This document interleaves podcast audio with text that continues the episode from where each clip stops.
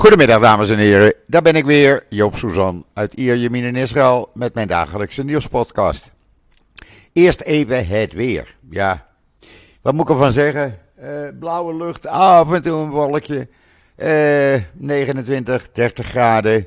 Uh, normaal voor de tijd van het jaar en het blijft gewoon zo. Het wordt zelfs vrijdag geloof ik nog warmer, dus we zien wel mogelijk weer een charaf. Maar goed, dat is pas vrijdag. Nu is het gewoon lekker weer. Ja, en dat was Joop voor het eerst in jaren vanmorgen naar een tandarts. En er zit bij mij aan de overkant een uh, uh, medical uh, dental center. Of dental medical center. Nou, ik kwam daar binnen. Ik ben jaren niet naar een tandarts geweest. Dus laat staan in Nederland. Alsof ik in het jaar 2050 kwam. overal een muziekje. De, allerlei computergestuurde apparaten. Uh, artsen die je heel uh, persoonlijk tegemoet treden, dat ook wel weer. een fantastische service. En ja, ik, ik wist echt niet wat ik zag. Ik keek mijn ogen uit. Maar ja, goed, je moet alles een keer meemaken, zeggen ze wel eens. laten we even beginnen met wat er hier in Israël gebeurt, want er gebeurt weer van alles vandaag. Er gaat echt geen dag voorbij zonder nieuws. Uh, eerst uh, wat we in israelnieuws.nl hebben staan. Dat is een uh, simulatie van de IDF. Die vliegtuigbemanningen voorbereidt op eventuele storingen. En dan heb je altijd maar een paar seconden om daarover te beslissen wat je moet doen. Dan hebben ze een simulator voor noodgevallen gemaakt. Eh, op een van die luchtmachtbasissen. En dat dient als een soort kenniscentrum voor training van de cockpit, cockpitbemanningen. Daar kunnen ze allerlei eh, ingewikkelde noodscenario's uh, simuleren. En ja, dan leren bemanningen hoe te handelen. Heel interessant. Ook in israelnieuws.nl. de hele video, hij is een uur, Um, maar ook een uh, uitgetikt uh, verslag van de oprichter van de Open AI, Sam Altman. Je weet wel, uh, die man die achter Chat GPT zit. die dus dat programma wat zelf allerlei verhalen of toespraken maakt voor je. En die heeft een, ja, een toespraak gehouden op de Universiteit van Tel Aviv. En die zegt: Er is nog nooit een betere tijd geweest om ondernemer te zijn. Hij was erg voor Israël, natuurlijk was hij erg voor Israël. Uh, hij doet ook veel met Israël. ChatGPT uh, wordt uh, nog groter. en als je die, die video ziet van zijn toespraak, het is wel in het Engels, maar ja, het is ongelooflijk zo'n man. Zo'n jonge man die de hele wereld even aan het veranderen is. Ik vind het nogal wat. Uh, kijk die video of lees anders het verhaal.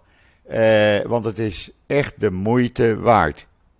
Uh, hij geeft ook adviezen aan jonge mensen. Wat ze het beste kunnen gaan doen. Wat ze niet kunnen gaan doen. en hij, ja, hij was erg trots op Israël. Want er zit zo'n enorm veel talent in een klein land. Dat steekt overal bovenuit, zegt hij.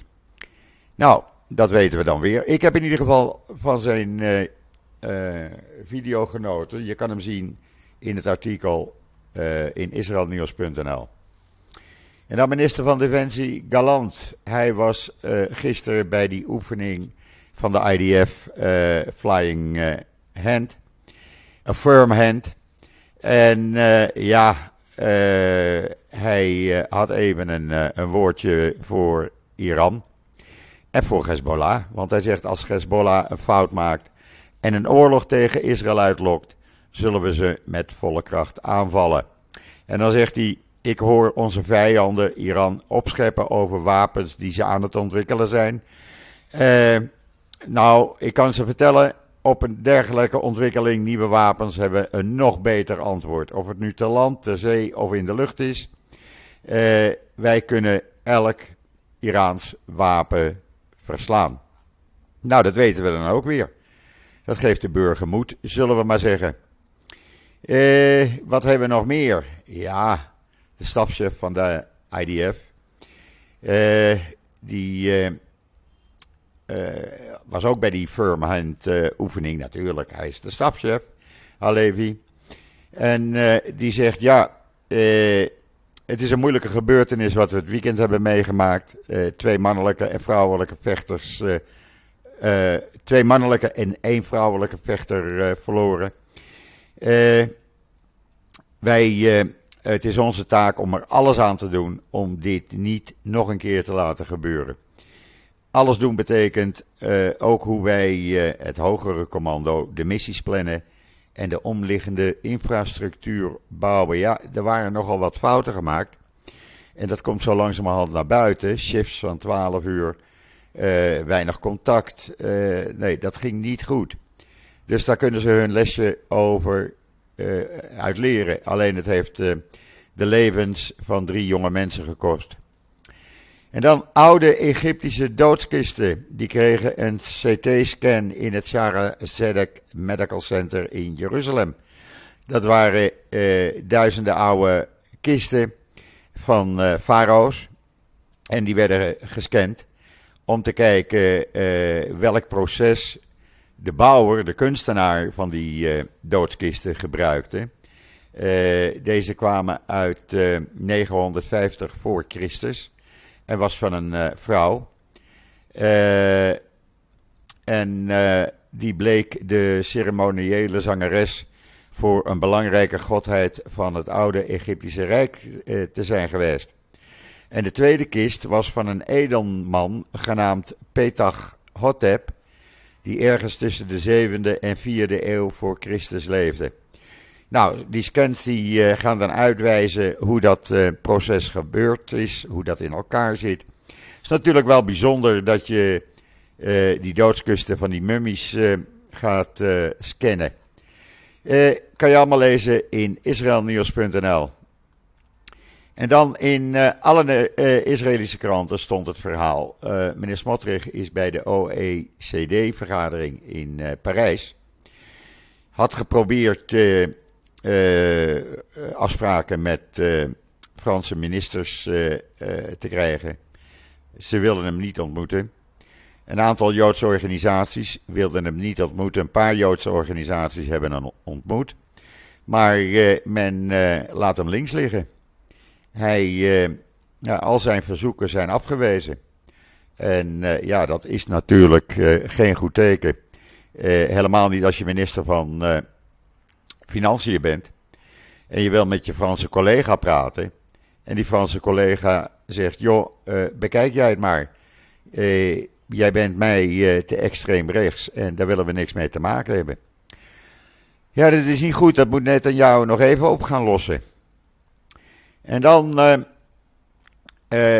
het ziet er naar uit, er komen positieve berichten de laatste uren, dat uh, oppositie en coalitie eruit zijn wat betreft de juridische hervormingen. Het zou zo zijn dat er een aantal dingen dan door zouden gaan in een wat gematigde vorm. Daar kan de oppositie zich in vinden. Een directeur van het kantoor van Netanyahu heeft in een radio-interview gezegd: Vergeet die juridische hervormingen, maar dat ligt achter ons. Dat wordt niet verder in deze huidige vorm doorgezet. En er is zojuist bekend geworden dat de oppositie een einde aan het geruzie heeft gemaakt. En één kandidaat hebben gesteld voor die commissie die rechters moet gaan benoemen. Dat is heel belangrijk dat de oppositie daar een kandidaat in heeft. Dat wilde de regering niet. Meneer Levin, de minister van Justitie, wilde dat helemaal niet. Gaat nu toch door. En uh, dat zou betekenen dat daardoor uh, er toch rechters worden benoemd die wat kracht hebben, die wat toezicht kunnen houden op wat de regering besluit, of dat juridisch allemaal kosher is. Het uh, mevrouw El Harar. Dat is die dame, die is ook minister geweest in de regering van Bennett en Lapid, die in de invalide wagen zit. Karine El Harar. Ze is nog wel een, ja, een stevige tante. Ze heeft een spierziekte, maar kan met haar mondje aardig overweg. En die gaat dus in die commissiezitting nemen namens de oppositie. Dat zijn positieve signalen. Dat kan ik jullie wel zeggen. En hopelijk dat dat nu ook doorzet. Dat ligt allemaal aan die onderhandelingen die bij eh, president Herzog uh, thuis plaatsvinden. Dat gaat dus de goede kant op. Het zal uh, nog even duren, maar volgende week worden die vergaderingen gehouden in de Knesset. En ja, dan is het goed dat de oppositie nu een kandidaat heeft. Dus Joop is voorzichtig optimistisch gestemd. Heel voorzichtig, laat ik het me zo uitdrukken. En dan heeft Israël die damdoorbraak veroordeeld. Maar ik vind dat ze, uh, Netanyahu heeft er wijs aan gedaan. Hij heeft niet de naam Rusland laten vallen. Want het is nog niet bekend wie die dam heeft opgeblazen. Niemand weet het. Het kan Oekraïne zijn, het kan Rusland zijn. Niemand die het weet. Ja, en dan kan je maar beter Rusland uh, nog niet even beschuldigen uh, het is toch een groot land en Israël heeft trouwens Rusland nodig voor die bombardementen in Syrië. Die kunnen alleen maar plaatsvinden met Russische toestemming, want uh, anders uh, stuurt Rusland de raketten op de Israëlische vliegtuigen af en dat wil je ook niet hebben. Dus ik vind dat Netanyahu het zeer diplomatiek heeft aangepakt. Jawel, mag ook wel eens een keer een complimentje voor Netanyahu. Hij doet niet alles slecht. En dan uh, Blinken is in Saudi-Arabië. Hij probeert uh, natuurlijk met die kroonprins uh, de relaties tussen Amerika en Saudi-Arabië een beetje beter te krijgen. Maar ook Israël staat hoog op de agenda. Wat hij met die Saoedische kroonprins bepraat. Je kan het lezen in Times of Israel. Want ja, de mogelijkheid dat er een een soort overeenkomst tussen Israël en Saudi-Arabië komt, die kan je nog niet uitvlakken. Die mogelijkheid is er. En dat zou alleen maar goed zijn. Ja, wat de eisen zijn van Saudi-Arabië, ik weet het niet. Ze hebben laatst laten vallen, dan moet er een uh, vredesbesprekingen begonnen worden met de Palestijnen. Nou, Netanyahu heeft vanaf, zijn, uh, vanaf de verkiezingen gezegd dat hij uh, hoog op zijn agenda diplomatieke betrekkingen met Saudi-Arabië heeft. We zullen het gaan zien. Het gaat mogelijk de goede kant op. En dan was er uh, gisteren een uh, onafhankelijkheidsdagfeest op de Israëlische ambassade in Amerika, in Washington. En daar was ook de Amerikaanse vicepremier Camille Harris. En die had nogal wat kritiek over het, de geplande juridische hervormingen hier in Israël. Ja, en dat pikte Eli Cohen, de minister van Buitenlandse Zaken, niet. Want die zegt, mevrouw Harris kan maar beter haar mond houden, want ze heeft nog geen letter gelezen van uh, wat die juridische hervormingen inhouden. Dus uh, hoe kan ze daar nou kritiek op, op hebben als ze niet weet waar uh, het over gaat? Ja, daar zal mevrouw Harris ook niet blij mee zijn. Maar goed, eh, de verhoudingen tussen Amerika en Israël zijn nou toch niet optimaal. Dus dit kan er dan ook nog wel even bij, zeg ik dan maar. Maar verstandig is het niet van uh, meneer Cohen. Dat had hij beter wat diplomatieker uh, kunnen verwoorden. Uh, ja, Harris had natuurlijk die kritiek even moeten houden. Want ja, ze zegt wij staan uh, alleen maar voor echte democratieën. En uh, de relatie met Israël en Amerika is gebaseerd op democratie. En uh, als dat wegvalt vanwege die juridische hervormingen, dan heeft de relatie met Amerika daar ook weer onder te lijden. Ja, het staat in de meeste Engelstalige kranten. het is haar niet in dank aangenomen. En dan heeft diezelfde OECD op die vergadering in Parijs uh, gezegd dat ze een meer gematigde groei van de Israëlische economie uh, verwachten. En dat heeft niet alleen met de wereldmarkt te maken, maar ook met de juridische hervormingen, zeggen ze erbij. Ze verwachten voor uh, dit jaar een groei tot 2,9 procent. Dat is minder als wat we gehad hebben, 4, 5 procent. En volgend jaar verwachten ze een groei van 3,3 procent. Eh, ja, daarnaast constateren ze ondermaatse prestaties van de shekel en de lokale aandelenmarkt.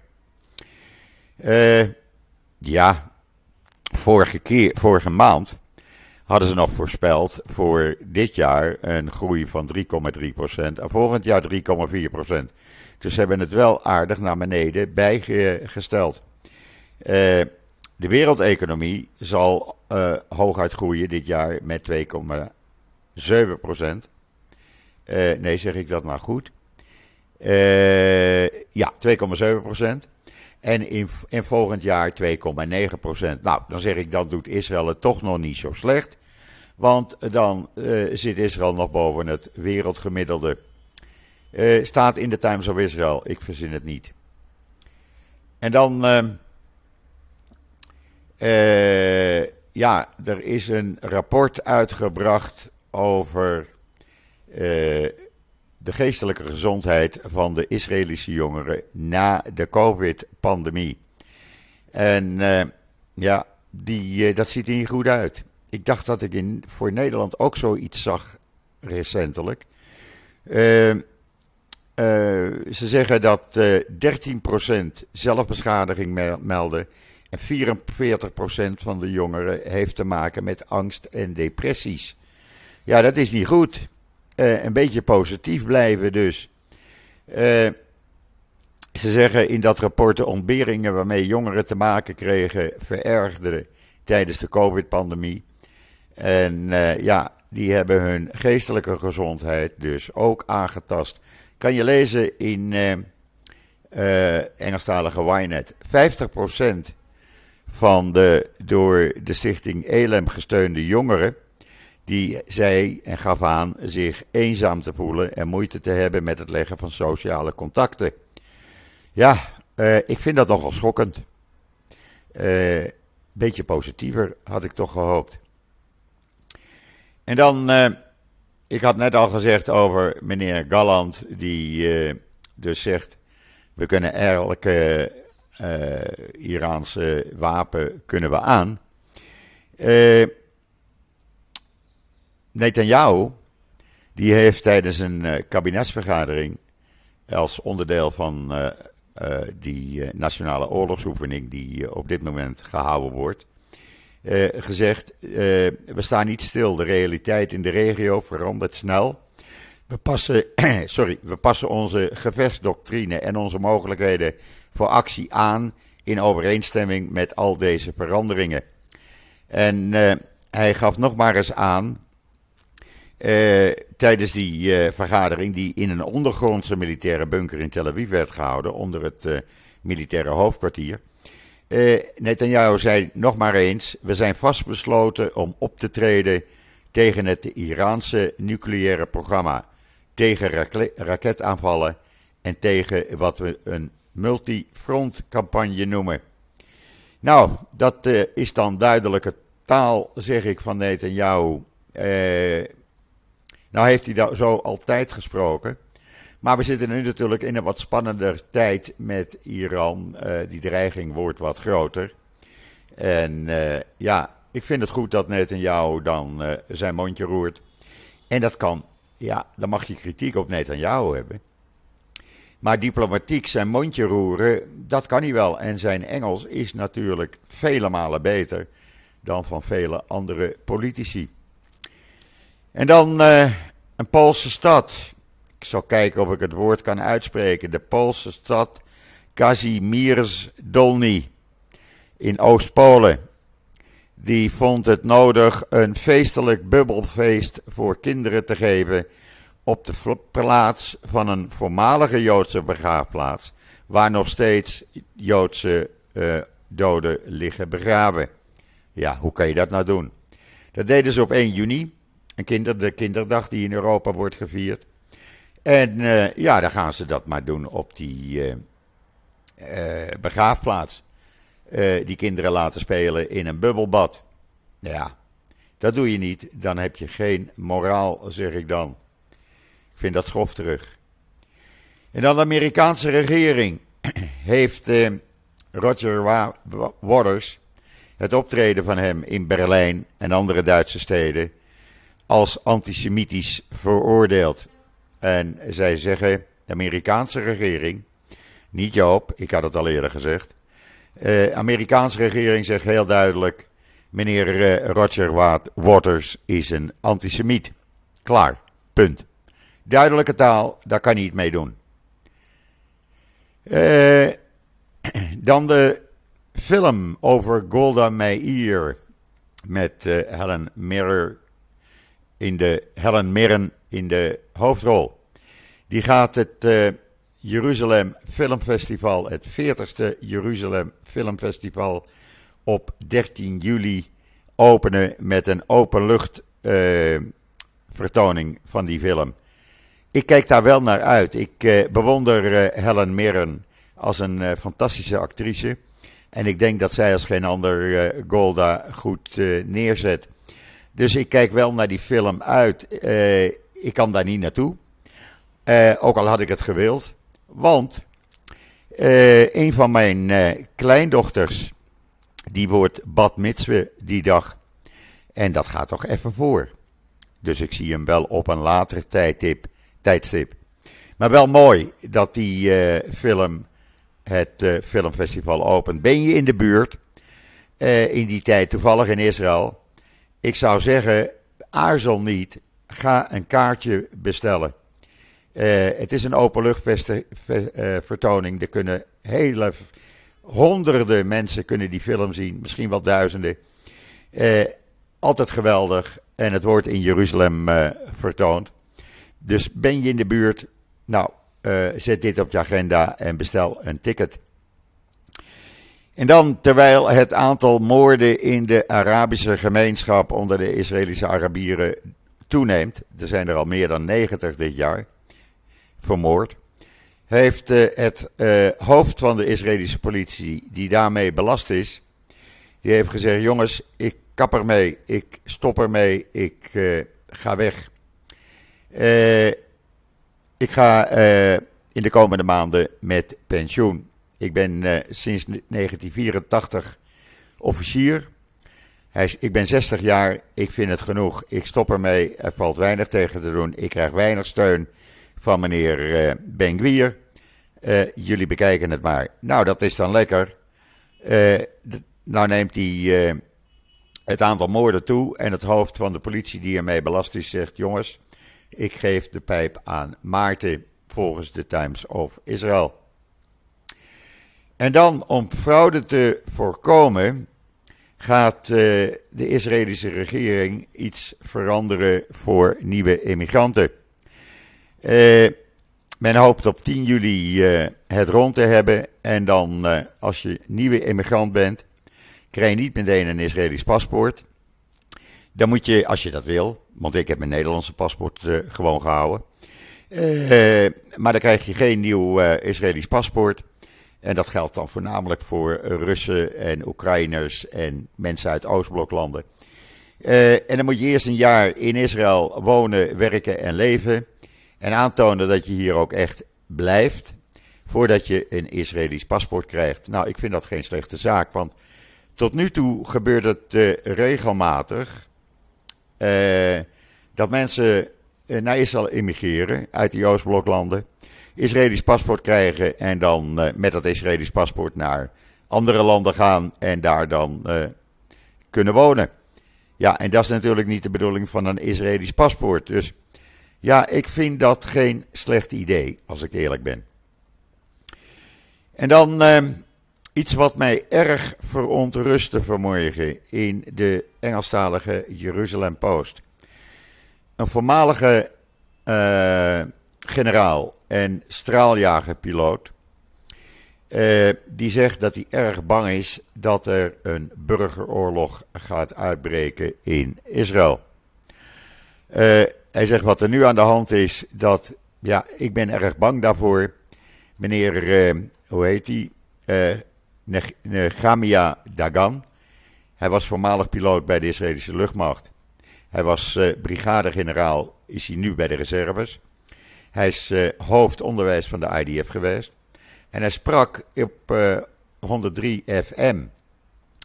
En zegt op al die social media posts wat ik heb gezien, dat verontrust mij. En ik ben, zou niet verbaasd zijn als we richting een burgeroorlog op gaan, uh, toegaan. Hij zegt, laat ik mij heel duidelijk uitdrukken, ik roep niet op tot een burgeroorlog. Ik, maar ik zeg wel heel duidelijk, als er een situatie komt waarin er een dictatuur is, dan hebben we geen keus en zullen we uh, de, dictatuur, de dictators moeten bevechten. We zullen ze moeten bevechten, ja, daar komt hij, met La Familia, uh, de zogenaamde supporters van uh, Betar Jeruzalem, en de misdadigers meegebracht door meneer Ben-Gvir. Het was duidelijke taal en daar mag je best uh, een beetje bezorgd over zijn. Uh, ja, hij zegt, uh, hij geeft de huidige regering de schuld. hij vindt de huidige regering te extremistisch. en de taal die ze spreken te extremistisch. Hij zegt: leiderschap vraagt niet wie de schuldige is. Leiders trekken zich terug en kalmeren de mensen en roepen niet nog luidere taal. Maar als een minister in de eh, Israëlische regering uh, extremistische taal uh, uitspreekt, ja, daar heb ik het niet zo mee. Het is een ja, artikel waar je een beetje ongerust van wordt. En dan de politie hier in Netanya, in die heeft iets heel moois gedaan. Een paar weken geleden vonden ze een acht maanden oude herdershond met wat steekwonden in zijn nek en buik. En uh, die vonden ze in een huis waar ze de lichamen van twee uh, mensen vonden. Uh, ze weten dus niet de naam van die hond. Ze weten niet of die de eigenaar waren. Ze hebben de hond naar de dierenarts gebracht. Uh, de hond is genezen. En dan moet je een nieuwe plek voor hem vinden. Nou, wat hebben ze gedaan? Ze hebben gezegd: Weet je wat? Wij als uh, politiebureau, wij gaan deze hond uh, adopteren. En we noemen hem Django. Dat is, de naam was dat van een zeven jaar oude politiehond. Die gedood werd in een operatie in Nablus, niet zo lang geleden. En wij gaan als politieagenten voor deze hond zorgen. Hoe mooi is dat? Je kan het lezen in de Jeruzalem Post met foto's erbij. En dan Australië neemt het voortouw. En ik vind dat Nederland dat moet doen en eigenlijk alle landen ter wereld. Ze komen met een wet volgende week die uh, nazi-symbolen uh, verbieden. Je mag geen publiekelijke vertoning meer hebben van nazi-symbolen. Of dat nou vlaggen of andere dingen zijn, maakt niet meer uit. Uh, er zijn uh, te veel neonazis, vindt men in uh, Australië. er wordt een nazi-goed gebracht. Dat mag allemaal niet meer. Geen vlaggen, geen nazi-groeten, geen andere symbolen. nazi-symbolen, alles wat daarmee te maken heeft. Het wordt verboden. Ik vind dit uitstekend en dat moet eigenlijk in de rest van de wereld ook gedaan worden. Ik hoop dat Nederland het voortouw neemt en ook zo'n wet uh, maakt in Europa. Waarom niet? Uh, dat kan niet. Even een slokje water, mensen. Dus ja, uh, je kan het lezen in de Engelstalige Jeruzalem Post. Goed, dat brengt mij zo langzamerhand tot het einde van deze podcast weer.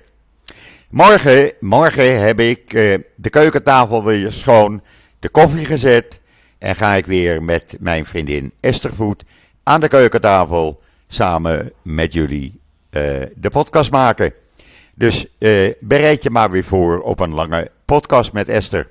Wordt weer gezellig, want we hebben al veel op ons lijstje staan. Goed, nogmaals, het brengt mij tot het einde van deze podcast. Ik wens iedereen een hele fijne voortzetting van woensdag, de 7e juni. Ik ben er morgen weer, samen met Esther. En zeg zoals altijd: tot ziens. Tot morgen. Ja, en Miss Mickey groet jullie ook. Hé Mickey?